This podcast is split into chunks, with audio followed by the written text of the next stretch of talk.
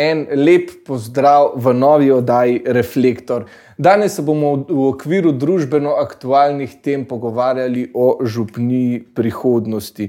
V preteklosti je župnija poleg duhovnega središča predstavljala tudi družabno in celo gospodarsko središče, no danes pa temu več ni tako. Kako se je vloga župnije spremenjala skozi čas in kakšna je župnija prihodnosti. Se bomo danes pogovarjali z dvema gostoma in sicer z Davidom, z Davidom Mahačičem, magistrom teologije in knjižnim urednikom na družini. Lepo pozdravljen, David. Živijo. In pa Simonom Potnikom, župnikom v Slovenki, ki že vrsto let prakticira drugačne, sodobne pastoralne metode. Simon, en lep pozdrav in dobrodošel. Hvala lepa. Ja, dolga pot je bila za vama. No, danes bomo črpali iz te knjige uh, James Mellon, Božja prenova. Tukaj le nekako piše o tem, kako se župnija skozi čas spremenja. In morda, da bi se morala celo malce bolj. En zanimiv citat mi je bil: Pravila igre so se med polčasom spremenila, mi pa prepogosto ustrajamo in novo igro uh, igramo po starih pravilih. Kaj misliš glede tega, Simon? Je naš pol, polčas traja, kako stoletje, preveč ne. Že to je, eh, mogoče to, da smo dolgo časa mi pravila postavljali. Mm. Mi smo bili igravci in sodniki in razsodniki in publika in vse. To se je morda tudi spremenilo. Ne gre samo za to, da se je vse zunaj spremenilo. Um, mogoče že to boli, da nismo glavni akteri pri vsem tem. Tudi če ne gre vse tako narobe, kot nam zgleda ker tudi če nimamo glavne besede pri vseh stvareh, je mogoče že bil, že bil zadnji čas, da nimamo glavne besede pri vsem gospodarstvu. Tudi pri moralki, končno smo videli, da marsikaj nismo odigrali ključne vloge, ko bi jo lahko mm. ali pa bi jo morali. Tako da tudi to je en, en skupek mnogih dejavnikov, to, kar se zdaj omenja. Ja, in tudi v knjigi je izpostavljen, Eh, da duhovnik ne sme biti več, da rečemo, nadkristjan, supermočmi, nekdo, ki um, deli svojo duhovnost. Uh, verniki pa smo kot nekakšni obiskovalci, kot ljudje, ki prihajamo na drive-in po burger, recimo tako tedensko sem, hmaši, prihajamo po neko dozo vere. Ampak duhovnik mora biti v prvi vrsti kristjan med kristjani. In šele na to duhovnik za uh, ljudi. No, gre za paradigme. Paradigme rodijo, pač, gre za kulturo, ki se živi, kultura eh, potem se živi tudi na izrazoslovju. In že samo pojem, recimo, like. Kaj pomeni like? Jaz sem recimo nogometaš, ti pa like. To pomeni, ne obvladaš nogometa, mm. kar pet na tribune. In na verskem podzavestno smo vzeli like. No, vi se kar sedite v klop, bom jaz povedal bo treba pa rože zaliti. E, bom jaz, ker sem župnik, ti si lajk. In si kar za vse stvari lajk, da tudi tu bo treba pojme zopet na novo osvetliti. Isto se je zgodilo lahko z ljubeznijo v današnjem času. Ali pa z življenjem, ko ga, mi, ko ga svet po svoje definira, tako bo treba to na nek način nehoteno zlorabo tega pojma tu vrniti identiteto. Vernikom, ti si lepo rekel, vernik, uporablja se pa pogosto malo lajk. Recimo že to, druga, druga pa ta herezija, ki smo jo sprejeli, ne, da eh, to, to vlogo župnika. Ne, se prav spomnim za novo mašo, so mi mladi napisali, kaj so pričakovanja za duhovnika. Kakšne tri tedne po tistem sem tisto pismo odprl, ker je bilo tega veliko, tega jaz nikoli ne bom mogel živeti. Taka pričakovanja. Torej, niti eh, banana jam in super babica in tarzan ne doseže nič od tega, kakšna so pričakovanja za enega duhovnika. In to je herezija, če to verjamemo. Mm lahko so dobre želje, ne pa pričakovanja enega župnika. In neumni župnik, ki verjame tem pričakovanjem in hoče potem temu ustreči. Hmm. In se, posledično se pač dogajajo zapleti in razpleti. In... Bi rekel, da prepogosto pozabimo, da so duhovniki tudi ljudje. Vzeti si izmed ljudi in poslan med ljudi je na dan posvečanja vsakemu duhovniku rečeno. Hmm. Liturgija je prizemljena in je, in je močna, in posvečenje je, se, ne, se ne bo če čez deset tisoč let se ne bo spremenilo, razen kak meteorit, če bo spremenil zgodbo. A drugače pa to se ne bo spremenilo, ker je realna. Mi potem spremenjamo to dosta. E, Ko se kultura spremenja, se, se, se tudi spremenja kultura vernih, torej nas. Ja, fajn. Ampak pravila pa stara, ne? da tako rečemo. Staro vino, stare mehove. Um, David, če eno vprašanje glede um, same knjige, torej dogaja se uh, v Kanadi, v Severni Ameriki. Ne? Kakšne so sploh podobnosti, lahko primerjamo naprimer s slovenskimi uh, župnijami, je stanje tudi tukaj, um, da lahko rečemo, ne vem, če reči alarmantno, ampak ali so potrebne spremembe. Eh, kot v marsičem imam občutek, da recimo Slovenci malce pljamo za dogajanjem, ki ga opisuje Melon v svoji knjigi. Ne? Ker tudi ta knjiga ni pravzaprav od, od včeraj, je že kar nekaj let v uporabi um, v ameriškem prostoru. Se pa soočajo z istimi težavami, z upadanjem števila vernikov, z zapiranjem crkva, zmanjševanjem števila duhovnikov združevanjem, s čisto organizacijskimi težavami, skratka, z vsem, kar se mi soočamo v zadnjih letih, eh, desetletjih. Smo tudi mi pred izzivom, ali bomo župnije ukinjali, ali jih bomo zapirali, ali jih bomo združevali in kako bodo to prenašali tako duhovniki, kot škofijske ustanove na eni strani, pa kot verniki, pripadniki določenih občestv na drugi strani. Ne. Težave so identične. Um, pa da rečemo, oprosti, ker te prekinjam, ja, ja. je težava predvsem pomankanje duhovnikov ali pomankanje vernikov? Pomankanje duhovnikov je po moji oceni predvsem posledica, ne vzrok. Ne, ker duhovnik je, kot je rekel Simon, ne, je poslan izmed ljudi za ljudi. In če občestvo, v občestvu ne dozori ta potreba, ta pripravljenost na odgovoriti na klic, ne, potem duhovnikov ne bo. Pa to govorimo vsakršna občestva, župnijska občestva, družinska občestva, ki so pravzaprav prvi prostori te poklicanosti in vzgoja. Mm. Tako da ne bi rekel, da je zdaj pomankanje duhovnikov razlog za krizo. Je eden od znanilcev, eden od, od, od elementov te, tega izziva, s katerim se soočamo. Pa to, kaj je to pomankanje duhovnikov? Pa kdaj tega pomankanja ni bilo? Ko se spomnim, je Jezus jamral da delavcev je malo, že to je velika. Mislim, če njemu ni ratovalo, to, da ni papež Frančišek kriv ali pa Benedikt ali kdorkoli, ne, število ne bo rešilo zadeve. Torej, eh, eh, krščanska crkva rabi žive prečevalce, ne pa veliko župnikov. In eh, če gledamo na kvadraturo Slovenije, mislim, da je Slovenija ena, velika, ena solidna škofija nekje v tujini. Če se bomo šli pokrivanje šahovnice naših župnij, bela, črna, bela, črna. Potem bomo pač kmete predstavljali, dokler bomo kmete imeli, potem bomo pa mogli, na koncu bomo prišli do kralja, škofa, kraljice, vem, tiste, tisti, ki vodijo. Ampak se ni to, to ni crkva. Tako da to pomankanje upa števila lahko vidimo, mm, ampak to je vedno v naravi. Je. To je naravna selekcija, bi rekel. Ali pa tudi to so sadovi, ne?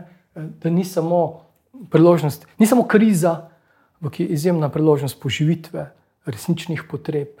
Ne, zdaj, če gledaš tujini, kaj še Bayern München, spet futbol, oni so imeli svojega vikarja, svojega kaplana in ga nimajo več, a je to pomankanje. Pa naše fare nimajo. A je to pomankanje? Kaj? Ne, da, glede, jaz mislim, da ni ključno vprašanje število duhovnikov. Sploh. Ampak ključno je verjetno, kako se duhovniki spoprijemajo s to situacijo in kako dobri, kakovostni duhovniki so verjetno. Veš, kako je težko govoriti o kakovosti človeka. Jaz, se, iskreno prizadevanja so, ne? ampak jaz mislim, da, da, da, da krščanstvo je taka moč. Jaz vedno bolj vidim crkvo kot tako očarljivo močno, hkrati pa po drugi strani togo, sploh ko gledamo nazaj, ko jokamo za nazaj, ko pogledamo naprej, kot da bi se crkva zdaj osvobajala marsičesa in se osvobaja. Jaz mislim, da se zdaj s tem, ko, ko je tepena, tudi za grehe, ki jih je storila, ali pa ki jih ni, uh, se mladi, se pomlaja, se, se krepi. Tako da mm, se vidim, sploh ta korona čas, da vidim kot izjemen čas milosti, doživljam tudi znotraj papeža Frančiška, seveda pa po teh inicijativah, ki so nastale že, se to ni naredil Melon. Se tudi on citira mnoge, in, ampak hvala Bogu, to je njegov čas in zdaj, in zdaj delamo mi ta podcast in gremo dalje. In nekdo bo na podlagi tega šel dalje. Ne? To je crkva. Ja, Oprosti, če smem skočiti toliko zraven, ko si govoril o osvobajanju crkve, ne, bre, tega bremena, ki si ga je nabrala skozi zgodovino. Pravzaprav bi v istem duhu lahko govorili, da se zdaj duhovniška služba, ko smo ravno že zastavili pri uh, vprašanju števila duhovnikov, ne, pravzaprav osvobaja tudi duhovniška služba svojega balasta. kakšnega, kaj je duhovnik, ali je duhovnik res, kot si omenil, najprej pričevalec, tisti, ki podeljuje zakramente, torej tisti, ki vznanjuje, tisti, ki podeljuje zakramente, ali hkrati še računovodja, menedžer, uh, vrtnar, uh, skrbnik spomeniškega varstva in tako naprej. Zdaj, če grem tu spet na terminologijo. Običajno me vsak nagovarja, gospod župnik, ti govoriš o duhovniku. Uh -huh. Kaj sem zdaj duhovnik, kaj sem župnik? Ja, pa kaj zdaj govoriš? Ne, ne, ne, ker je pomembno. Zato, ker takoj spremenimo, ko škof pride, pa se hoče z mano govoriti, oh, to so naši duhovniki. Tu bom to vrednotil. Ja, rabim pa župnike. Upravitelji, upravitelji. Vse je, oboje je, ampak tu je en tak vozil lahko in tudi kriza identitete in to je meni zelo dobro tam označeno. Vse to ni samo v našem času, to gre v vsaki puberteti, gre to skozi. Ne? In nekje naša crkva to doživlja, ali pa naš čas to doživlja. Um, zopet, da se postavimo na novo, izkoristimo. No, ampak um, Melan tudi v knjigi reče, da um, župnik ne samo, da lahko preda določene funkcije um, faranom, da se po domače izrazim, ampak da jih mora. Mm. Da morajo biti, um, se pravi, pripa, pripadniki župnije delni, ne, ne samo obiskovalci. Mm. Ja. Um, kako pa recimo uh, v Slovenki to poteka, kako uh, sam razdeliš različne vloge, vsega verjetno ne moreš sam. Zagrozim jim in. um, Dam primerjavo, ki jo zelo rado uporabljam, zopet bom šel na nogomet. V nogometu jih je 11 na igrišču, v eni ekipi. Nihče ne upravlja iste vloge kot drugi, pa so ekipa. Čisto vsak ima svoje mesto na igrišču, če tudi če ne zgleda od zunaj tako. Pokriva en teritorij in tudi tehniko ima svojo, karakteristiko ima svojo. Tako je v župni, tako je v družini. Tudi, Ampak zdaj problem je, če mi rešujemo eno staro taktiko igre. Imamo pa nove igralce. Seveda. Kako se je zgodovina nogometa spremenila v 80-ih letih, ko so samo malo taktiko spremenili. Mm. Pozicijo igralcev so samo malo, en vizionar je bil in je samo malo spremenil. Je bil nepremagljiv, olimpijske igre so padale in niso vedeli, kaj, drugi selektori, kaj se je zgodilo. En trener se spomni tega, en italijan.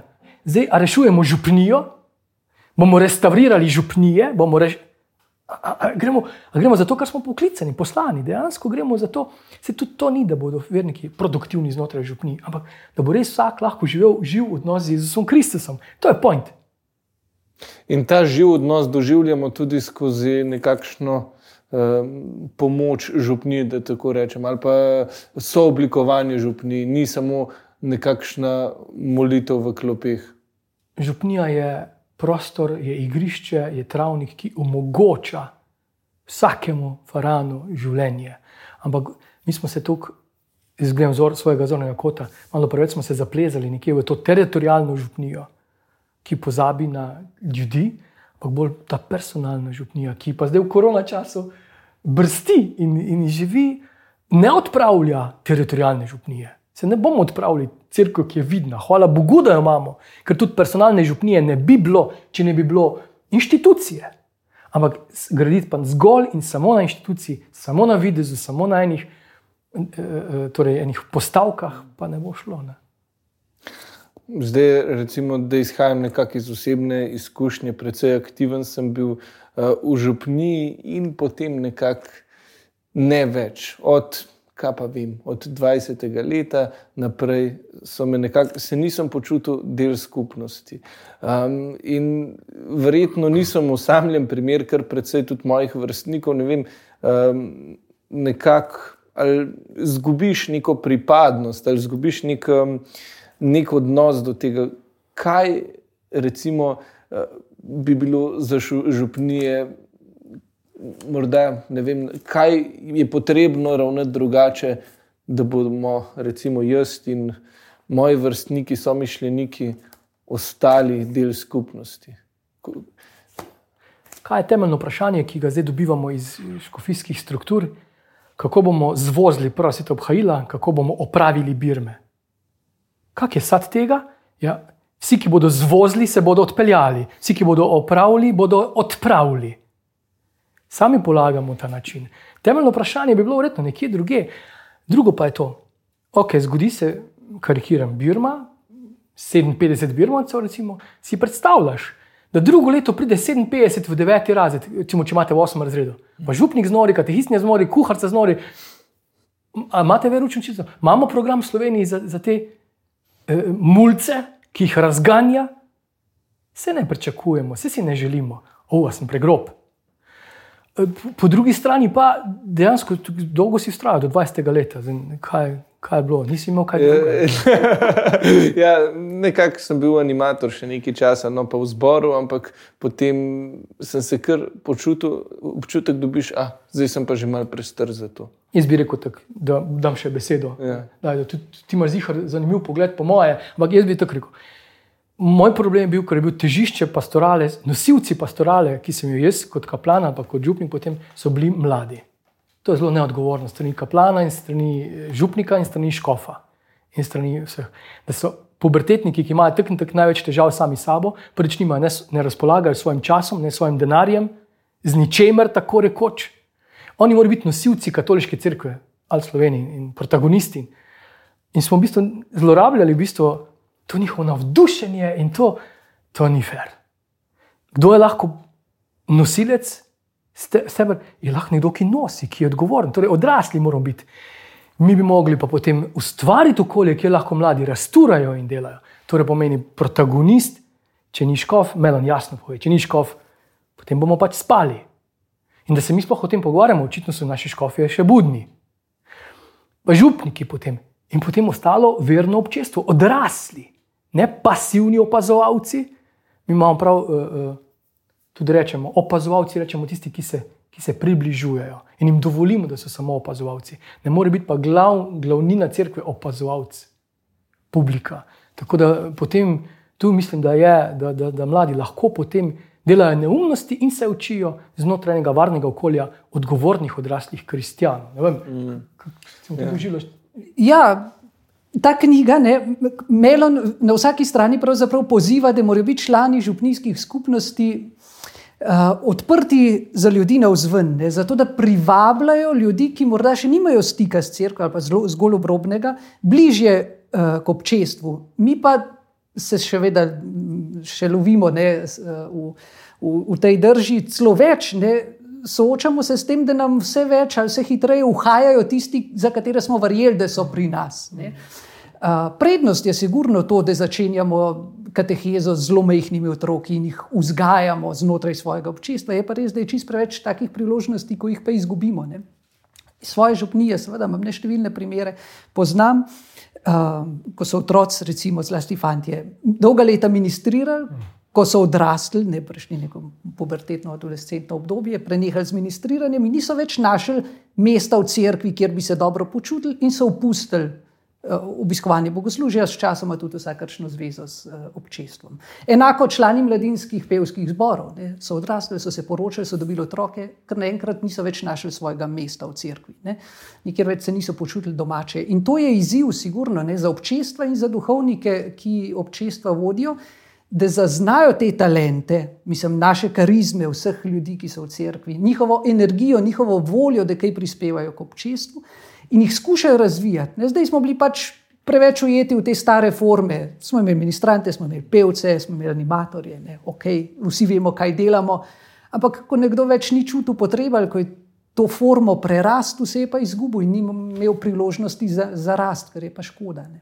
Kot nek kalup, da lahko rečemo, ki je ja. že precej časa isti in da, da nekako uh, za starejše se sploh ne spodobi, da so zdaj več del uh, neke župnije. Dobro, imamo kakšnega bralca, beril.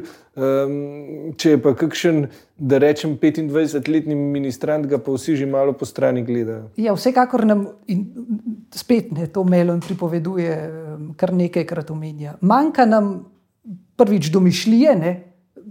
S crkvenim, tradicionalnim crkvenim skupnostim nam manjka domišljije, kaj vse bi še znotraj uh, svojih okvirov lahko počeli, ne, zaradi teritorijalne župnije znotraj svojega kraja.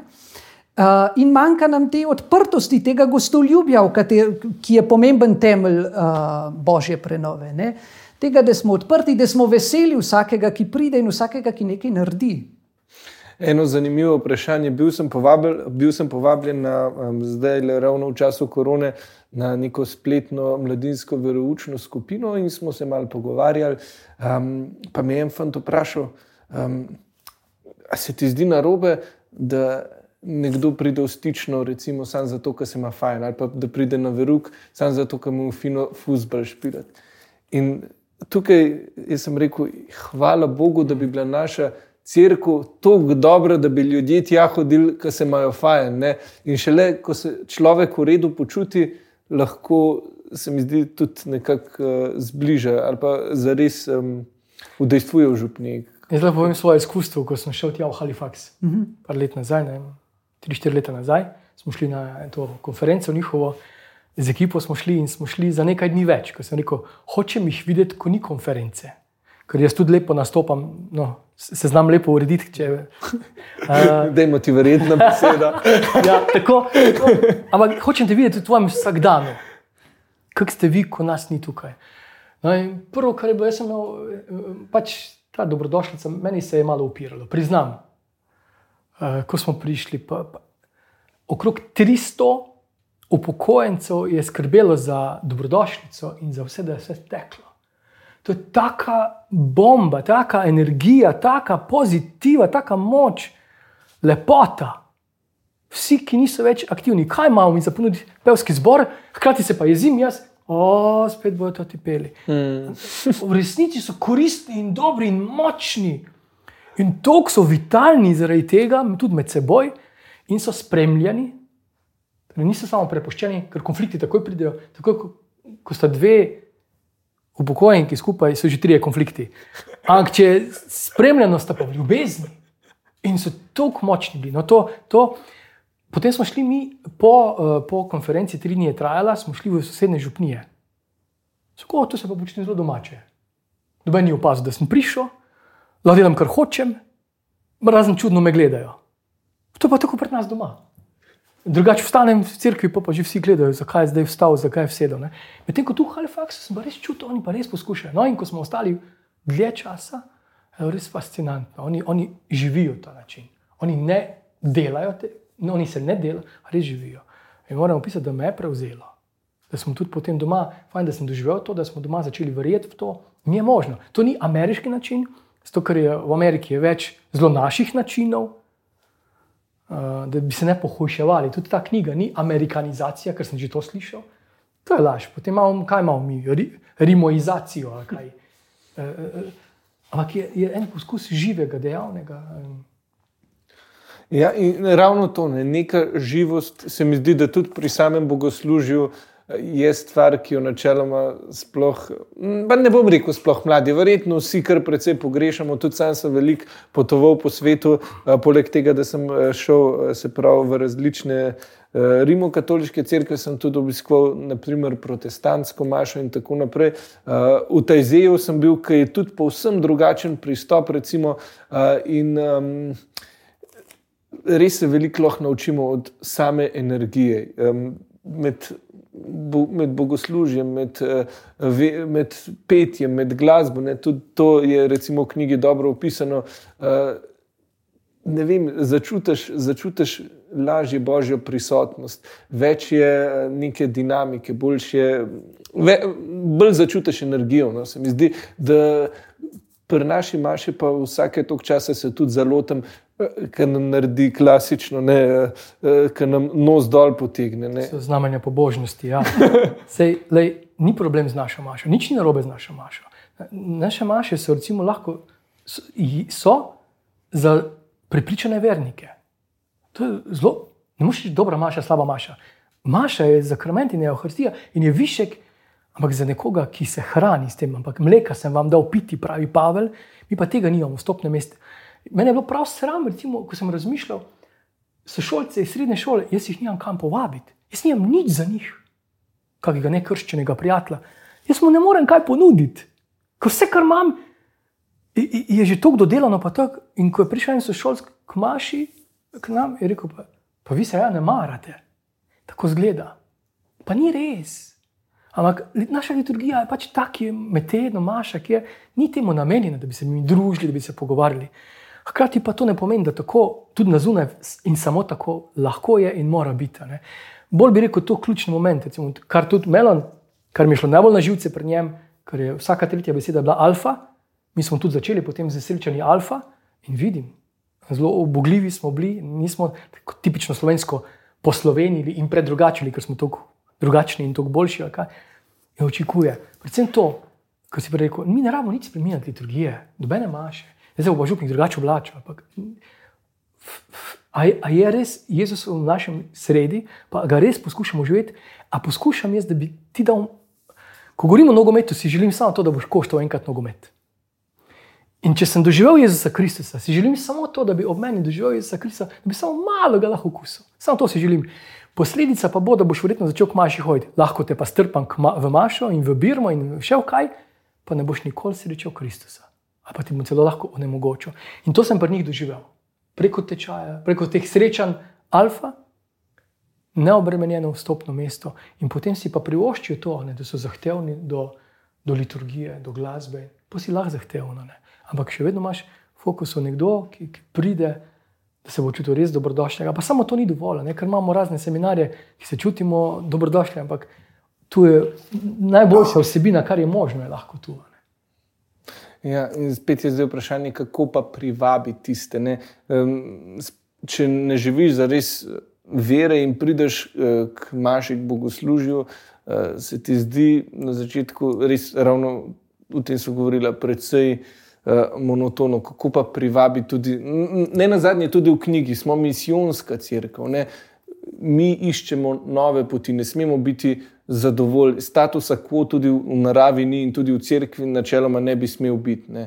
Um, kaj storiti, da privabiti širšo publiko, občestvo?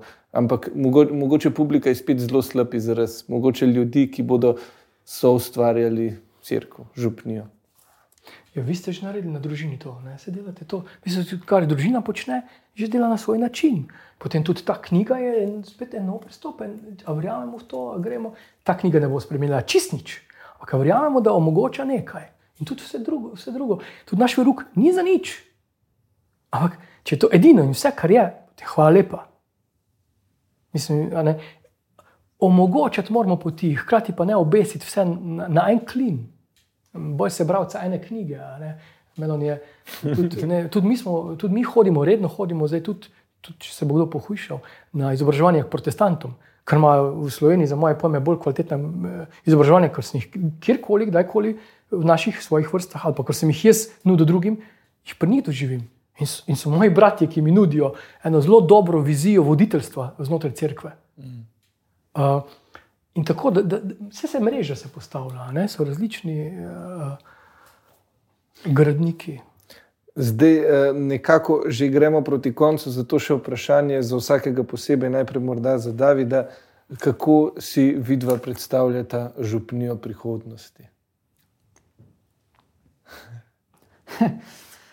Ja, vsekakor je, je, kot je Simon omenil, da trenutno gre smer v razvoju teh personalnih župni, teritorijalne župnije se še nekoliko iščejo svoje poslanstvo, svoje mesto v današnjih okoliščinah, ker ta stoletni model, več stoletni model pač uh, ne zadostuje več. Jaz si osebno želim, ker jaz živim na podeželju ne, in si osebno želim, da teritorijalne župnije ne bi izgubile svojega, svoje vloge, svojega smisla.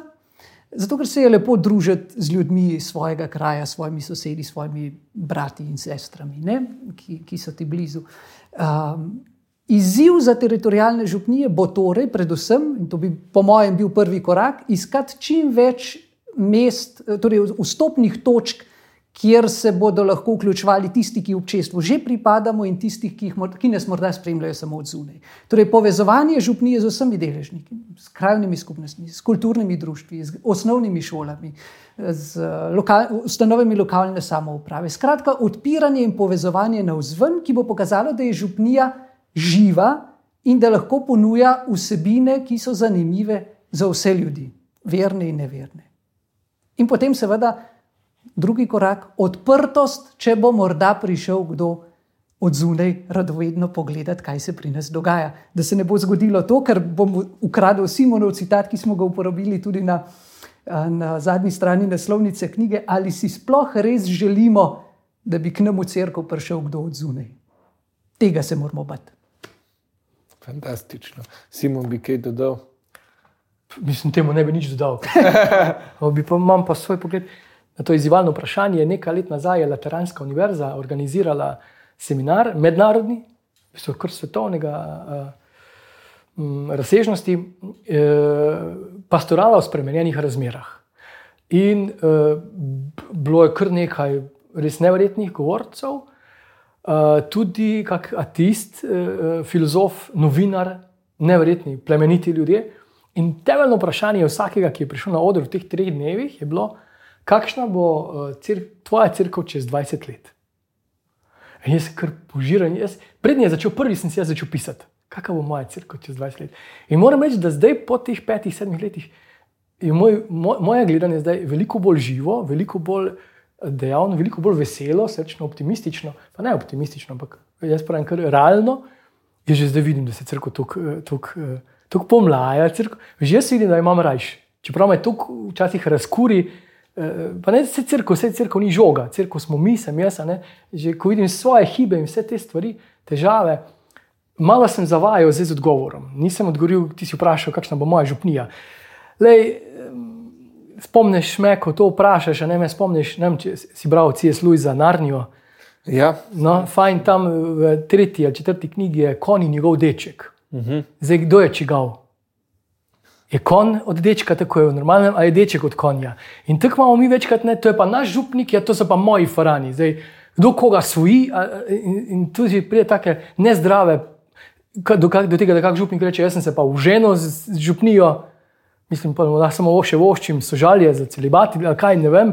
Ali kaj, ne, da tu, tu vidimo ne, tudi en spremenjen pogled na župnijo, na crkvo. Jaz mislim, da mi moramo biti Pavel, ko piše, piše skozi crkvi. Mi smo se pa nekje zabetonirali v, v, za koli, eno količenje. Ni potrebe.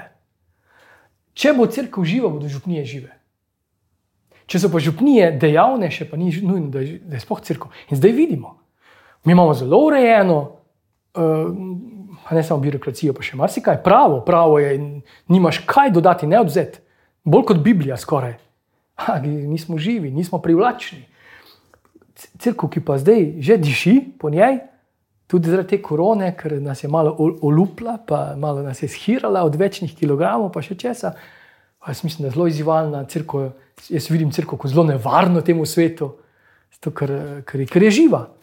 Ravno to, da je reči na začetku, prvi kristijani eh, tudi o tem govori. Eh, ni bilo fino biti kristijan, da lahko rečemo. In so bili kristijani samo tisti, ki so se res želeli in tisti, ki so živeli vero. Zdaj smo živeli, eh, lahko rečemo, kar 2000 let v obdobju, kjer je zelo udobno bilo, da si bil kristijan, imel si še ugodnosti, da rečemo v družbi, zdaj pa prihajamo v čas ko spet ni tako, da rečem mainstream, pa fajn biti kristjan. In zato, morda tudi zato, nek ta balast um, odpada. Ampak to pomeni tudi ravno to, da ostajajo pa živi. A je fajn biti futbaler. Boljši, ko si bolj te brcajo. In to je samo znanje, da si v igri. Če si na, na kot nekam stopil, pa se jokal, da te pač te ne bo doben brca, ampak nisi v igri in si pač opazovalec neke igre, del nekega tima, ampak te bojo slejko prej postavili ven. In to je normalno, biti kristjan pomeni biti živ, dejaven sredi vsega tega in normalno te brcajo. Če pa se gre za igro, se tudi ne, da, da, da smo mi bogi zaradi tega. Normalno je, to spada zraven. Uh, ker na koncu koncev vidiš, tudi če nisi kristjan, te brcajo. Ker, ker življenje teče tako naprej. Zdaj vse vem, zakaj. Zato, ker je futbal, zato, ker sem kristjan, ker živim. Da, jaz ne bi osredotočil se na to, to, je, to spada zraven, to je normalno. Sploh pa proti toku, če gledaš. Mm, ja, žive ribe plavajo proti toku. Um, joj, eh, jaz imam toliko vprašanj, ampak če se že malce preganja, mogoče samo še to majanje fizičnih okvirov župnije, ravno zdaj v času korone smo opazili, um, recimo spletni prenos imaš. Uh, in to zdaj pomeni, da smo ljudje recimo enkrat šli k maši, k temu župniku, da rečemo, potem drugič smo gledali drugega, kaj to pomeni za samo fizično strukturo župni v prihodnje in se bodo te spletni prenosi nadaljevali tudi, ko se recimo zdravstveno stanje malce umiri. spletni prenosi imaš, so zasilna rešitev. Uh, ki je sicer, če ne rečem, dobra, ne, zato da obdržiš nek stik, mislim, da duhovnik obdrži nek stik s svojimi župljani ali pa z župljani sosednjih župni, če je že pač tako z vsemi, ki imajo interes. Uh, ne verjamem pa, da ima v tej podobi kakšno prihodnost, potem, ko se bodo uh, ti protikoronski ukrepi sproščali. Um, je pa res, da se je zdaj končno crkva zavedla, ne, tudi v tistih najmanjših župnijah, um, pri recimo, tudi tistih duhovnikih, ki doslej teh orodij niso uporabljali, da je vendarle veliko sveta, veliko ljudi, veliko uh, življenja na spletu in da tega prostora crkva ne sme pustiti v nemar. Seveda, in zato tudi pravim, da Eh, spletni prenos maše ni dovolj, ni vse, kar lahko crkva ponudi na spletu. In mislim, da bo šlo v razvoju to smer, da bomo iskali zdaj še druge vsebine, ki jih lahko ponujemo vernikom na spletu. Eden izmed, eden izmed njih tudi ta le vdaja, no, eh, tudi se bo predvajali tako na eh, YouTubu in na družinjenih spletnih platformah, tako da nekako prihajamo tudi na splet, ampak. Um, ne, ne moremo pa prek spleta doživeti, recimo, Euharistije. To, to pa je ena tak, izmed takih stvari, vseeno lažje prenašati marsikaj drugega prek spleta, kot pa samo. Lej, vse to je res, ampak o tem ne rabimo govoriti. Kot da bi za ljubljenco govorili, uh, lej, a veš. To, da se s punco pogovarjaš preko telefona, to ni isto, če ti poljubiš. Pa se vsak butelj to ve. Ja. Pa to je logično, zakaj o tem toliko govorimo, ampak hkrati, ker se ima ta parada, si parada SMS-e pošiljata. Ja, nima ta prav, ker to ni isto. Ste pa veste, da to ni isto. Doben otrok še ni bil spočet po, po, po, po televiziji. To vsak ve. Ne ramo se zdaj sprenevedati in zaradi tega ne delati podkastov in vsega tega. Ne nadomestijo. Nič na svetu ne nadomesti Jezus Kristusove smrti in njegovega stajenja, to je Euharistija. In to, da, in ne rabimo o tem govoriti, ker smo dolgocajtni, sami sebi in vsem drugim. Odkudkot to pride. Odemo se pa zavedati, da ima vse svojo vlogo in svoj pomen in svojo moč. Nas pa ti podcasti, te knjige, pa, pa da zaživimo knjige. Ja, ker to pa ni isto. Pa nas pripelje do luštev, do tega, da bom začel sam vrtnariti, kmetovati, da si bom pa res pridelal en svoj bio, krompir ali karkoli. In da bom začel živeti iz tega. To je pa ista stvar. Jaz mislim, da te spletne maše nam samo lušte delajo, še toliko večje. Tisti, ki pa ne, pa tek ne. Ampak to je stanje, se ni bilo druge opcije, se ni druge opcije. In da si tudi, ko jokamo za nazaj, mislim, se tudi Izraelci so tam jokali nad, nad, nad Mojzesom, joj, pa smo imeli polne lonce mesa, ste imeli polne lonce mesa, ja? e, megle, ne pa, ne pa mesa. Ne? In tako mi zdaj jokamo za nazaj bi, bi, bi, prav zanimiv podcast bi bil pred dvema letoma, pa je normalen župnik, ne jaz tu, koliko jamranja na dve roki, koliko nad vsem. In zdaj pa jokamo za tistimi časi. Gospod nas stisne naprej, hoče, da gremo naprej, da vidimo, ne? hoče v obljubo. On je, on je ustvaril crkvo kot rodovitno. On hoče, da je rodovitna crkva, ne pa da se plazi, da, da, da, da, da, da, da mjavka in joka, stoka. Ne? To je njegova crkva. Simon, najlepša hvala. Prav veseli me, da sem uh, zastavil tako dolgočasno in jokajoče vprašanje, da sem dobil tako genijalen odgovor. In uh, ravno s tem besedam je čas tudi, uh, da se poslovimo. Hvala vam, da ste bili z nami do konca. Eh, današnjo oddajo. In eh, hvala, seveda, David in Simon, da ste si vzeli čas, prišli k nam v gostje eh, in seveda povedala toliko enih modrosti. Jaz vam želim še naprej uspešno delo, ostanite samo svoja in še naprej um, božja. Božja, tako. tako. Hvala vam, hvala družini. Pa. Tako. Um, Mi pa se spet vidimo, prav kmalo spremljajte nas torej na YouTubu in na družinjenih spletnih platformah. Zaenkrat pa naj si bo to to. Imajte eh, krasen dan in vse dobro. Ob 30-letnici naše državnosti smo v studio povabili dva sinova osamosvojiteljev, Blaža Podobnika in Ožbeja Petrleta, pa profesorja zgodovine Aleša Maura. Prisluhnite oddaji Reflektor.